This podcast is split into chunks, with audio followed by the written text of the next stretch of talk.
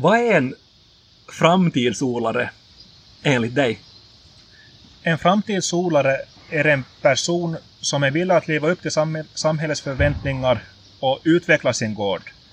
Ser möjligheter istället för begränsningar och är villig att utvecklas, inte enbart att öka till exempel djurantal eller åkerarealen, utan att göra det bättre för djuren, använda ny teknik och på så sätt utvecklas. Och du har bestämt dig för att bli en sån här framtidsodlare? Ja, det har jag.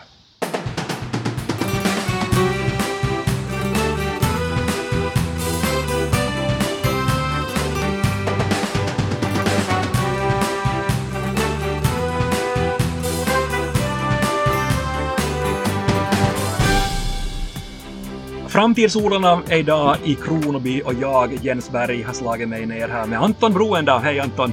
Hej hej! Vi har Anton, för det första en härlig publik här för vår, för vår podd. Hur många, hur många åskådare har vi, har vi här? I det här huset som vi nu sitter framför så finns det 180 mjölkande kor. Och på gården finns sammanlagt 850. Okej. Okay. Vi ska komma, komma till det där, men, men, men ungefär 100 kor tittar på oss här så lite nyfiket. De äter och ni hör kanske lite i bakgrunden också en mjölkrobot som, som surrar. De ser jätteglada ut. Anton, du är 21 år nu, du är 22 år när den här podden kommer att, kommer att sändas och du håller på att utbilda dig på agroforst vid Helsingfors universitet. Och vi ska idag djupdyka i det här hur man utbildar sig till att bli en framtidsodlare. Men, men innan vi gör det så är jag nyfiken på att höra hur allt börjar för dig. Har du, har du alltid, alltså så länge du kommer ihåg, varit intresserad av lantbruk? Lantbruket har alltid funnits i familjen och jag har alltid varit delaktig. Som, som riktigt småbarn så kunde man ju inte göra någonting fysiskt att hjälpa till på gården men med tiden så har det, har det utvecklats att jag har länge varit med i mjölkstationen och nu, ju äldre man blir så har arbetsuppgifterna ändrats. Nu är jag både här med mjölkrobotarna, lite på åkerbruk och sköter bokföringen här på bolaget också. Kommer du ihåg första gången du träffade en ko? Alltså det här är en konstig fråga, men, men kommer du ihåg det? Jag, jag kommer inte ihåg, men vi har foton när jag sitter i barnvagnen ännu i Nedeve till före det första ladugården här i, vid Bruksbäck byggdes. Ja. När jag var kanske två, tre månader gammal. Så. Ja.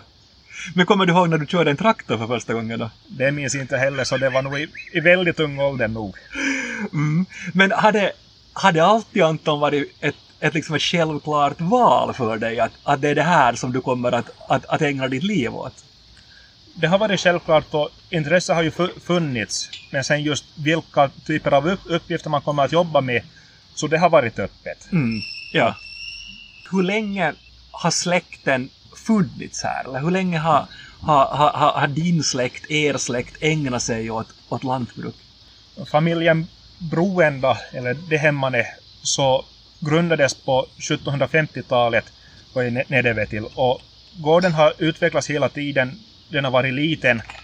Men år 99 så byggdes första gården här vid Bruksbäck när mamma och pappa gifte sig. Mm. Då byggdes en, en ny ladugård för 80 mjölkande kor. Och sen har båda morbröderna också kommit med i bilden. Så vi är sammanlagt tre familjer som äger Åsbro mjölk nu. Och utvecklingen har gått framåt att 99 så byggdes första ladugården, gemensamma ladugården för 80 kor. 2007 steg 1 med 200 mjölkande kor och mjölkstation. 2010 nästa 200 mjölkplatser till. 2016 en ny halvförsyn-kona och samtidigt köptes en, en gammal diko fähus i Kronoby mm. var vi nu har 240 kvigor. Precis. Och hur många, hur många mjölkrobotar har ni, har ni totalt nu? Vi har fem mjölkrobotar nu, men om mjölkningen skulle vara helt automatiserad skulle vi kräva två, 20 robotar samma, okay. sammanlagt. Just det. Men om du ser, du ser nu på, på din roll idag i Åsbro gård och Åsbro mjölk. Hur skulle, du, hur skulle du beskriva den idag? Vad allt, vad allt gör du? Som huvudsaklig uppgift är, är att arbeta med djuren och sköta hand om robotarna. Samtidigt har jag ansvaret för Åsbro Mjölks, Åsbro Gårds bokföring och hjälper till på fälten efter behov. Att det är inte min huvudsakliga uppgift, men vid behov så är jag beredd att hoppa i traktorn och göra det som krävs. Mm. Så det kan vara för dig en, en dag att du, att du börjar med bokföring, sitter, sitter på, på kontoret, sen dyker du in och gör, jobbar med, med, med en mjölkrobot och sen kan du ännu, ännu liksom hoppa in i traktorn och göra någonting sen under, under samma dag. Det, det, kan, det kan jag göra, men i, i, reg, i regel inte att vi har försökt så långt som möjligt att det, det som mjölkar, mjölkar och det som har hand om åkerbruket fokuserar på åkerbruket. Att på så sätt dela upp ansvarsområdena på företaget. Och det är ju en sak som har möjliggjort gen, genom det att vi har en så stor lägenhet ändå. Mm. Att vi har haft möjlighet att specialisera sig på olika områden. Fem delägare sa du, men hur många, hur många jobbar totalt här, här nu? Vi är fem ägare och fem anställda. Sen ar arbetar också min syster och lillebror och ena morbroderns barn här också. Så som mest på sommaren kan vi vara en 15 personer här. Mm. Det är en stor gård och vi ska tala lite, lite om det här, det här ännu med, med, med liksom storleken på, på gårdar och, och, utvecklingen. Men, men om du sätter det här med storlek in i, i, i, i någon form av proportion för, för mig, så hur, hur mycket producerar, hur mycket mjölk producerar äh, djuren här? Vid Åsbro mjölk så producerade vi år 2020 3,8 miljoner liter sammanlagt. 3,8 miljoner liter. Jag måste riktigt säga det, för det, det är ju massor. Ja.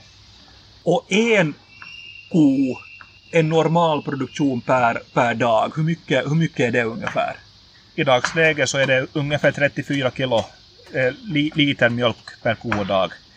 Det är olika mängd på robotarna i station. Att robotkorna mjölkar cirka 35 liter per dag deras halter är lägre, men stationskorna mjölkar cirka 32 liter om dagen, mm. men deras halter är högre. Precis. Jag funderar ännu på det där med, med storskaligheten eh, i, en, i en mjölkgård i, i, idag. Är det, är det en nödvändighet, skulle du säga Anton? Att är det så att, att det där, för att få det att, att, att gå ihop, för att få det att gå runt, så, så måste det vara storskaligt? Om man bygger en, en ny ladugård så är det nog en fördel om, om den är stor.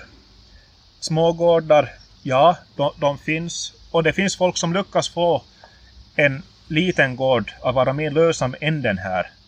Men här är vi som sagt tre familjer som ska få ett levebröd av det.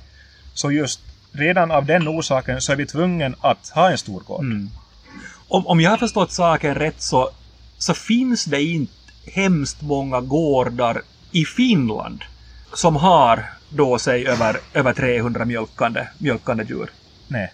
Nu, nu år 2021 så är antalet mjölkgårdar med över 300 23 stycken. År 2020 så var, så var det 17. Så utvecklingen är att de stora gårdarna med över 300 blir mer och mer. Mm. Men om man ser på mjölkmängder som helhet så är de medelstora gårdarna ändå det som producerar mest mjölk. Ja. Och vad räknas till en medelstor gård då? Liksom hur, många, hur, många, hur många huvuden, hur många djur finns där? En, för, en 45-50 Okej, okay. kor. Precis. Men sen har jag förstått att om man, om man sen sätter, sätter in det här i, i en europeisk skala och liksom titta på det på, på en europeisk nivå så är fortfarande finländska gårdar, även stora gårdar, ganska små. Alltså i det perspektivet, stämmer det att det är så? Det, det stämmer och redan i, om man jämför med våra nordiska grannländer så är vi väldigt små. Att redan för 15 år sedan när min mamma var på besök till Danmark så var medelstorleken på en mjölkgård i Finland 25 kor och i Danmark 100. Men det här är ju gamla, gamla uppgifter men vi har väldigt små gårdar här i Finland nog mm. i medeltal. Ja. Om du ser på för och nackdelar med, med, med storskalighet och, och småskalighet, så vad skulle du säga, vad, vad, vad ser du där liksom för plus och minus? Plus är ju det att man har möjlighet att specialisera sig. Att här är vi, är vi fem delägare och alla har olika ansvarsområden. På en mindre gård så är man tvungen att kunna allt. Nackdelen är ju det att man minns ju inte alla, alla vid namn. Men Nej. alla djur ska ändå få möjligast bra behandling enligt djurens behov, klövvård, utfodring via lockfoder vid robotarna, så får de det som de, de behöver på en stor gård. Men vi känner inte den individuella kon lika bra som på en mindre gård. Nej. Hur mycket teoretiskt äh, läser ni kring storskalighet kontra småskalighet? Alltså är det liksom saker som ni, som ni också på skolbänken tittar på? Vi fokuserar inte så värst mycket på storskalighet versus små och storskalighet. Däremot så just vid växtodling så kommer vi, kommer vi till det att man kan inte använda samma maskinpark på en storgård som på en smågård. Att här använder vi en självgående, självgående exakt hack på pappas hemman som man förr arbetade med i två veckors tid så har vi nu hackat och skördat klart av på två till tre timmar. Framtidsodlarna är idag i Kronoby och dagens huvudperson heter Anton Broenda och du håller som bäst på med kandidatstudierna vid agrikultur och forstvetenskapliga fakulteten vid Helsingfors universitet, så, så heter det. Agroforst säger ni väl? Ja. En sån fråga först, hur trivs du med studierna? Jag, jag trivs bra. Att kor coronaåret till trots så har studierna löpt bra. Vi kom bra överens, överens i höstas när vi ännu var på plats. Distansstudien nu satte olika, eller flera krav på undervisningen. Det möjliggjorde att jag var hemma, men samtidigt så saknar man det, det sociala. Att studielivet ju dels att lära sig få undervisning i universitetet, men samtidigt att skapa kontaktnätverk i hela Finland med unga, dels, dels producenter men också folk från staden som utvecklas, utbildar sig vid fakulteten. Mm. Var Agrofors ditt första alternativ hela tiden? Har det varit sådär att du har vetat sen typ att du blev tonåring att, att det är sannolikt det här? Jag funderar länge just på agrikulturforsvetenskapliga fakulteten eller agrologutbildningen vid Novia. Men sen beslutade jag mig eftersom jag har ganska bra räkn, räknhuvud är teoretisk av mig så kom jag till det att en universitetsutbildning är bättre för mig. Du har gått ett år, ett år nu Anton och, och jag måste fråga att vilka, vilka ämnen läser man alltså? När jag, jag, jag har aldrig studerat dem, jag är jättenyfiken. Att vad, vad liksom, hur, vilka alla ämnen finns? Under första året så är det många grundkurser och också utveckling från, från högstadie och gymnasie. Att vi har haft fysik, kemi, matematik. Men sen om man tänker på ämnen som direkt kopplas till jordbruk så vi har haft grundkurser i lantbruksekonomi, lantbrukspolitik, husdjurslära, växtodling, agroteknik och marklära. Okej. Okay. Och, och det är de här ämnena sen, de som du räknar upp nu, så de kan man fördjupa sig i sen från, från andra året då i princip? Ja. Man väljer huvudämne utifrån från de här? Ja, att i slutet av första året så beslutar man till vilket, vilken inriktning man vill ha i första hand och de allra flesta slipper till den inriktning som man har valt. Mm. På ekonomilinjen, den linje som jag valde, så är vi, jag skulle säga vi är tolv stycken. Okej. Okay. Och varifrån, varifrån i landet är, är, är ni tolv som, som är på den linjen? Från ja. hela landet eller från andra, ja. andra länder också kanske? Jag, jag vet inte var, var, varifrån, att jag har inte sett vilka alla som har valt det, men vid agrikultur, forsvetenskapliga fakulteten överlag så är vi ju utspred, utspridda över hela landet. Många är från Nyland, några från Österbotten, från kustområdena, också från Lappland. Ungefär hälften har erfarenhet av lantbruk hemifrån. Det varierar då mellan mjölkgårdar på 20 kor upp till spannmålsgårdar på 300-400 hektar. Och sen personer just från, från städer som inte sen tidigare har praktisk erfarenhet av det. Så det är intressant att diskutera de här frågorna i skolan, att just olika synvinklar på samma problem, att vilka lösningar kan man hitta beroende på var man kommer, sin egen produktionsinriktning på gården eller just en från stan, att hur den personen ser på de här problemen som vi ställs inför. Ja, men det, där är ju, det där är ju faktiskt jätteintressant. Det är alltså det. Det, det. är många som kommer in med den praktiska erfarenheten, att så här är det, och någon kommer in enbart med liksom nyfik, nyfikna teoretiska ögon. Ja. Men hur mycket är det på svenska, och hur mycket är det på finska, och hur mycket är det på engelska? Hittills under mitt första år så var den största delen av utbildningen på finska. Vi hade en kemikurs på svenska och en matematikkurs. Men man har rätt att skriva alla tentor på sitt eget modersmål. Och sen i betyget antecknas på det språk enligt det språk som man använder i tenten är det som betyget sen Okej, räknas som. precis. Och, och är du, fixar, du, fixar du finska och engelska lika bra som svenska eller spelar det någon roll för dig? Min finska är nö- nöjaktig, så jag klarar mig nog att lyssna och jag hänger med på, på lektionerna. Men att skriva tent så inte skulle det gå bra, så det är nog bra att man kan ha möjlighet att skriva tentorna på, sven, på svenska. Ja. Engelskan har jag lätt med. ja. Hur mycket praktik ingår i, i studierna?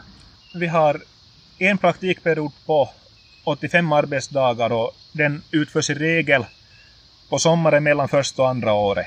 Så nu samtidigt som jag sitter här vid Åsbro Mjölk så är jag på praktik vid en annan gård i Nedevetio som har det där tjurar och slaktsvin. Okej. Det betyder alltså då att nu så har du två år kvar av dina, av dina kandidatstudier. Och då är det ekonomi du kommer, kommer att ha som ditt huvudsakliga ämne. Har du, har du bestämt redan om du kommer att fortsätta med magisterstudier sen, alltså efter de här tre åren? Där kommer jag nog men där har jag inte valt inriktning ännu. Att det är, på andra eller tredje året så började jag fundera på det att nu är, nu är det att, att vara på praktik här på sommaren och ge sig in, i stud, studierna av lantbruksekonomi under andra och tredje året som jag sätter mest fokus på. Ja. Det här är ju då en podd när vi pratar ganska mycket framtid och, och framtidsfrågor. Och, och Agroforst så säger jag sådär officiellt när jag tittar på det att man, det här direkt citat, producerar vetenskapligt motiverade synpunkter och metoder för att svara mot framtida utmaningar. En filosofisk fråga till, till dig. Vilka, vilka tycker du att är de största framtida utmaningarna sådär för lantbruket i Finland sådär generellt? Nå, dels så har vi ju klimatförändringen och de utmaningar som vi ställs inför där. Dels att få produktionen mera hållbar, att vi ska bli koldioxidneutrala. Samtidigt måste vi tänka här på Djurgården till exempel på biodiversiteten. Att vi samtidigt som vi har teorin och hur vi där kan bli mer hållbara så måste vi också tänka på vilka krav samhället kommer att ställa på oss. Här kommer till exempel betesgång och som Valjo har vapaan lehmän maito som säljs i butikerna att just mjölk från, fi, från frigående kor, inte från båsladugårdar. Hållbarhet, dels är det teori, men också vi måste anpassa oss till de utmaningar och de antaganden som samhället ställer på oss. Mm. Hur, jag är nyfiken på det där att, att när du sa att, att det kan vara en brokig skara som studerar, dels, dels personer som du som, som har en genuin praktisk erfarenhet av att hur det ser ut på, på riktigt så att säga på en gård och sen sådana som kommer kanske in mera med ett urbant perspektiv som inte har den, den, den liksom praktiska erfarenhet som du har. Hur blir de här diskussionerna sen gällande, gällande hållbarhet och gällande klimat, ekologi och, och, och så vidare? Kan du öppna för mig hur, hur, hur de ser ut? Nå, no, no, no det är ganska intressant att, ju, att dels så ser man nu på mjölkgården till exempel just på, på betesdriften. Men samtidigt så på alla gårdar så är inte betesdriften ett alternativ. Att om marken kring gården är för värdefull ur åkerbruk, åkerbruksperspektiv, att man tar skörd av den och ensilerar det och har som mat på vintern, så ska man då offra den marken för att kunna odla foder istället för att ha den på bete. Mm. Det finns flera olika synvinklar och det är inte endast en synvinkel som man ska ha. Man måste bredda sitt synfält. Att vilka möjligheter har gården? Ja. Hur mycket kommer man in på, på det där sen att, att, att varje gård är unik eller att liksom förutsättningarna är unika på varje, på varje ställe oberoende om det handlar om, om produktion av, av djur eller, eller, eller, eller spannmål eller, eller skog och så vidare. Alltså att, att, att, att, att, du, har man en förståelse för det där att, att, att varje gård och varje, alla förutsättningar är på något sätt unika? Det kanske just geografiskt så kommer vi in på det. Att i Nyland så har man väldigt goda förutsättningar att odla spannmål medan vi inte har samma förutsättningar här i, i norr. Så där kommer också nu till exempel användningen av konstgödsel in. Gö- Gödsel från produktionsdjuren. Att här har vi i Österbotten ett överskott av gödsel. Att det är som helt vetenskapligt bevisat Men samtidigt så är det inte ett alternativ att transportera det. Mm. Att det kostar otroligt mycket och är inte heller ur den synvinkeln ekologiskt hållbart att transportera det 400-500 kilometer till Nyland och sprida ut det där. Att samtidigt som vi har, vi ska använda min, mindre konstgödsel, mera gödsel för att minska på utsläppen till Östersjön, så ställs vi inför den frågeställningen att varan måste ut. Mm. Jag är nyfiken på en sån sak också. Det här är, det här är sannolikt inte en, inte en, lätt, en lätt fråga heller, men, men hur, hur är det med dig? Alltså, nu, nu, nu studerar du på Helsingfors universitet, du får den senaste, du får den nyaste, nyaste kunskapen.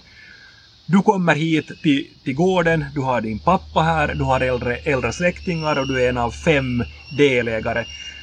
Hur, hur lätt eller svårt är det att få din röst hörd? Vet du? Att är det så att, att, att, att de hör att okay, nu, nu, nu har du läst eller nu har du fått ta, ta, ta del av den här senaste forskningen här. Att, förstår du frågan? Liksom att, att, eh, tycker inte man att hoho, vad kommer han och Anton här och loss tro att han vet något? no, det, det, det, det håller nog med, med mig i de flesta frågor, men sen, sen är det en annan sak vad som vi sen kan genomföra. Att nu om man tänker på något praktiskt som vi har gjort här på gården så det var en utmaning att lägga robotarna i, i drift. Och sen just att söka efter nya rutiner, vad, hur man får det gjort med minsta möjliga ar arbetskraft och så effektivt som möjligt. Så jag tänkte redan i vintras före de två sista blev lagt igång att, igång att så här kommer vi att göra eller så här kommer, kommer rutinen att se ut på morgon och kväll. Mm. Jag fick då höra att det är omöjligt, det går inte. Men sen när de själv fick fundera på den stund så gör vi det nu på det sättet. Enligt ditt ursprungliga förslag? Ja. Hur, hur kändes det? I told you so. Nej, men jag tänker att, att, att, att det måste vara en, en otrolig känsla det där också, att som yngsta delägaren komma in och säga att det här är sannolikt sättet som vi ska göra det på. Och, och, det där, och så måste, måste äldre människor, precis, de, de är i min ålder, så att jag menar att jag, jag, jag, känner igen det på det sättet. Då måste man fundera genom att, hmm, ja, kanske det ändå är sådär. Ja. Om du ser sen på, på gården sådär på, på sikt och funderar både på, på Åsbro gård och Åsbro, Åsbro mjölk, vilka, vilka saker skulle du vilja, vilja få till stånd? Alltså, vilka, vilka är sådana större framtidsgrejer som du, som du går omkring och drömmer om? Dels de frågor som alltid berör en, en mjölkproducent är att få mera hållbara djur och få dem att producera bättre. Det som nu är ganska högt upp på planen är att bygga ett nytt kalvstall för att effektivera produktionen få det att löpa på smidigare och på så sätt minska arbetsbördan. Robotarna är, robotarna är in, att lära oss bättre att använda dem. Sen så kommer det här med artificiell intelligens, precisionsodling in. Maskinparken kom, behöver förnyas. Att just där också använda möjligast nya teknik. För att vi ska kunna gå ut till exempel med den konstgödselmängd som behövs. Att om, om det finns teknik att man från, via satellitbild får delat in ett skifte i, i rutor på 20 x 20 centimeter och där så korrigerar spridaren automatiskt den kvävemängd som man har ställt in att behövs på det området automatiskt. Så det sparar ju kostnaderna. Mm. Ja, det, och miljön också. Ja.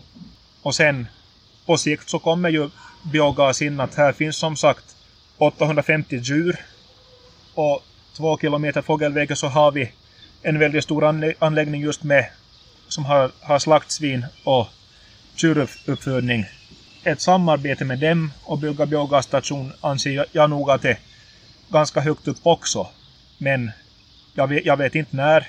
Men nu också när Valjo ST1 meddelar att de vill ett nytt bolag som ska producera biogas för den tunga trafiken så blir det biogasen attraktivare och attraktivare för oss. Så det kan hända att en, att en dag så finns här ett biogasverk. Jo. Inte omöjligt. Det är inte omöjligt alls. Nej. Det sista jag skulle vilja tala Anton med dig om så att du, du har också engagerat dig i politiken, du är aktiv inom, inom svensk ungdom. Varför valde du att också gå med i politiken?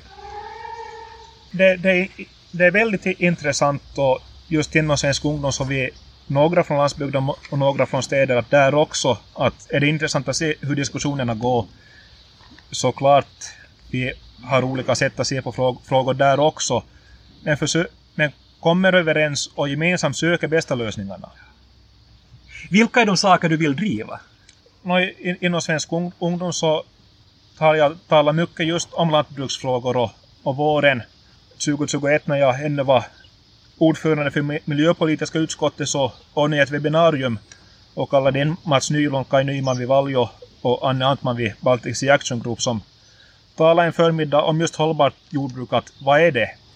Ekonomiskt, ekologiskt och socialt hållbart. Att när vi talar om hållbarhet så läggs det mycket fokus endast på till exempel kol, kolbudget, kolbudget, koldioxidneutralitet. Men det är så mycket där omkring också. Att vi kan inte bara fokusera på att få ner koldioxidmängden. Hur, hur påverkas allting annat på gården om vi minskar kol? En ekonomiskt lönsam gård har bättre möjligheter att, att minska på sina koldioxidutsläpp. Och samtidigt måste vi också, som jag sa tidigare, leva upp till samhällets förväntningar. När du jobbar, jobbar för, för, för lantbruksfrågor och, och en levande, levande landsbygd då, då förstås också, så hur, hur ser ditt recept ut för att, att hålla landsbygden levande, exempelvis här där vi, där vi är nu? Vi, vi måste de, dels göra, göra landsbygden attraktiv och här så coronaåret så visar ju att landsbygden är attraktiv, att folk har flyttat ut från städerna till landsbygden. Vi måste bevara häls hälsovårdstjänsterna, skolor, hålla den trygg för nya, nya familjer att bosätta sig på landsbygden. Och samtidigt måste vi inte glömma att det måste finnas arbete på landsbygden. Mm. Vad skulle du vilja uppnå i ditt liv ännu? En konstig fråga. dels är det ju som vi har diskuterat att utveckla gården, få den mer mer lönsamma och hållbarare djur och hållbar just biogas. biogas. Och sen, också att på det sättet så håller vi ju landsbygden livskraftig. Ser du att din framtid finns här på gården eller, eller tänker du att den kanske också kan finnas i riksdagen? Den, den, den finns här men samtidigt så måste man hålla alla dörrar öppna.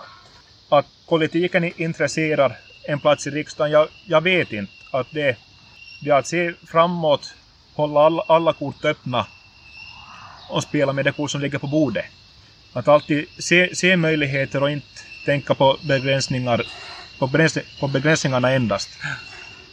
Om jag tippar någonting nu när det här sänds hösten 2021 så är min tippning att Anton Broenda en dag kommer att sitta i riksdagen också. Om jag tippar det, vad tror du då? Tiden får utvisa. tack Anton Broenda för, för pratstunden. Det var härligt att få besöka dig här idag. Tack, tack. Och tack för att du lyssnade. Det blir ett nytt avsnitt av Framtidsodlarna i vanlig ordning om två veckor igen. Vi hörs då. Mitt namn är Jens Berg.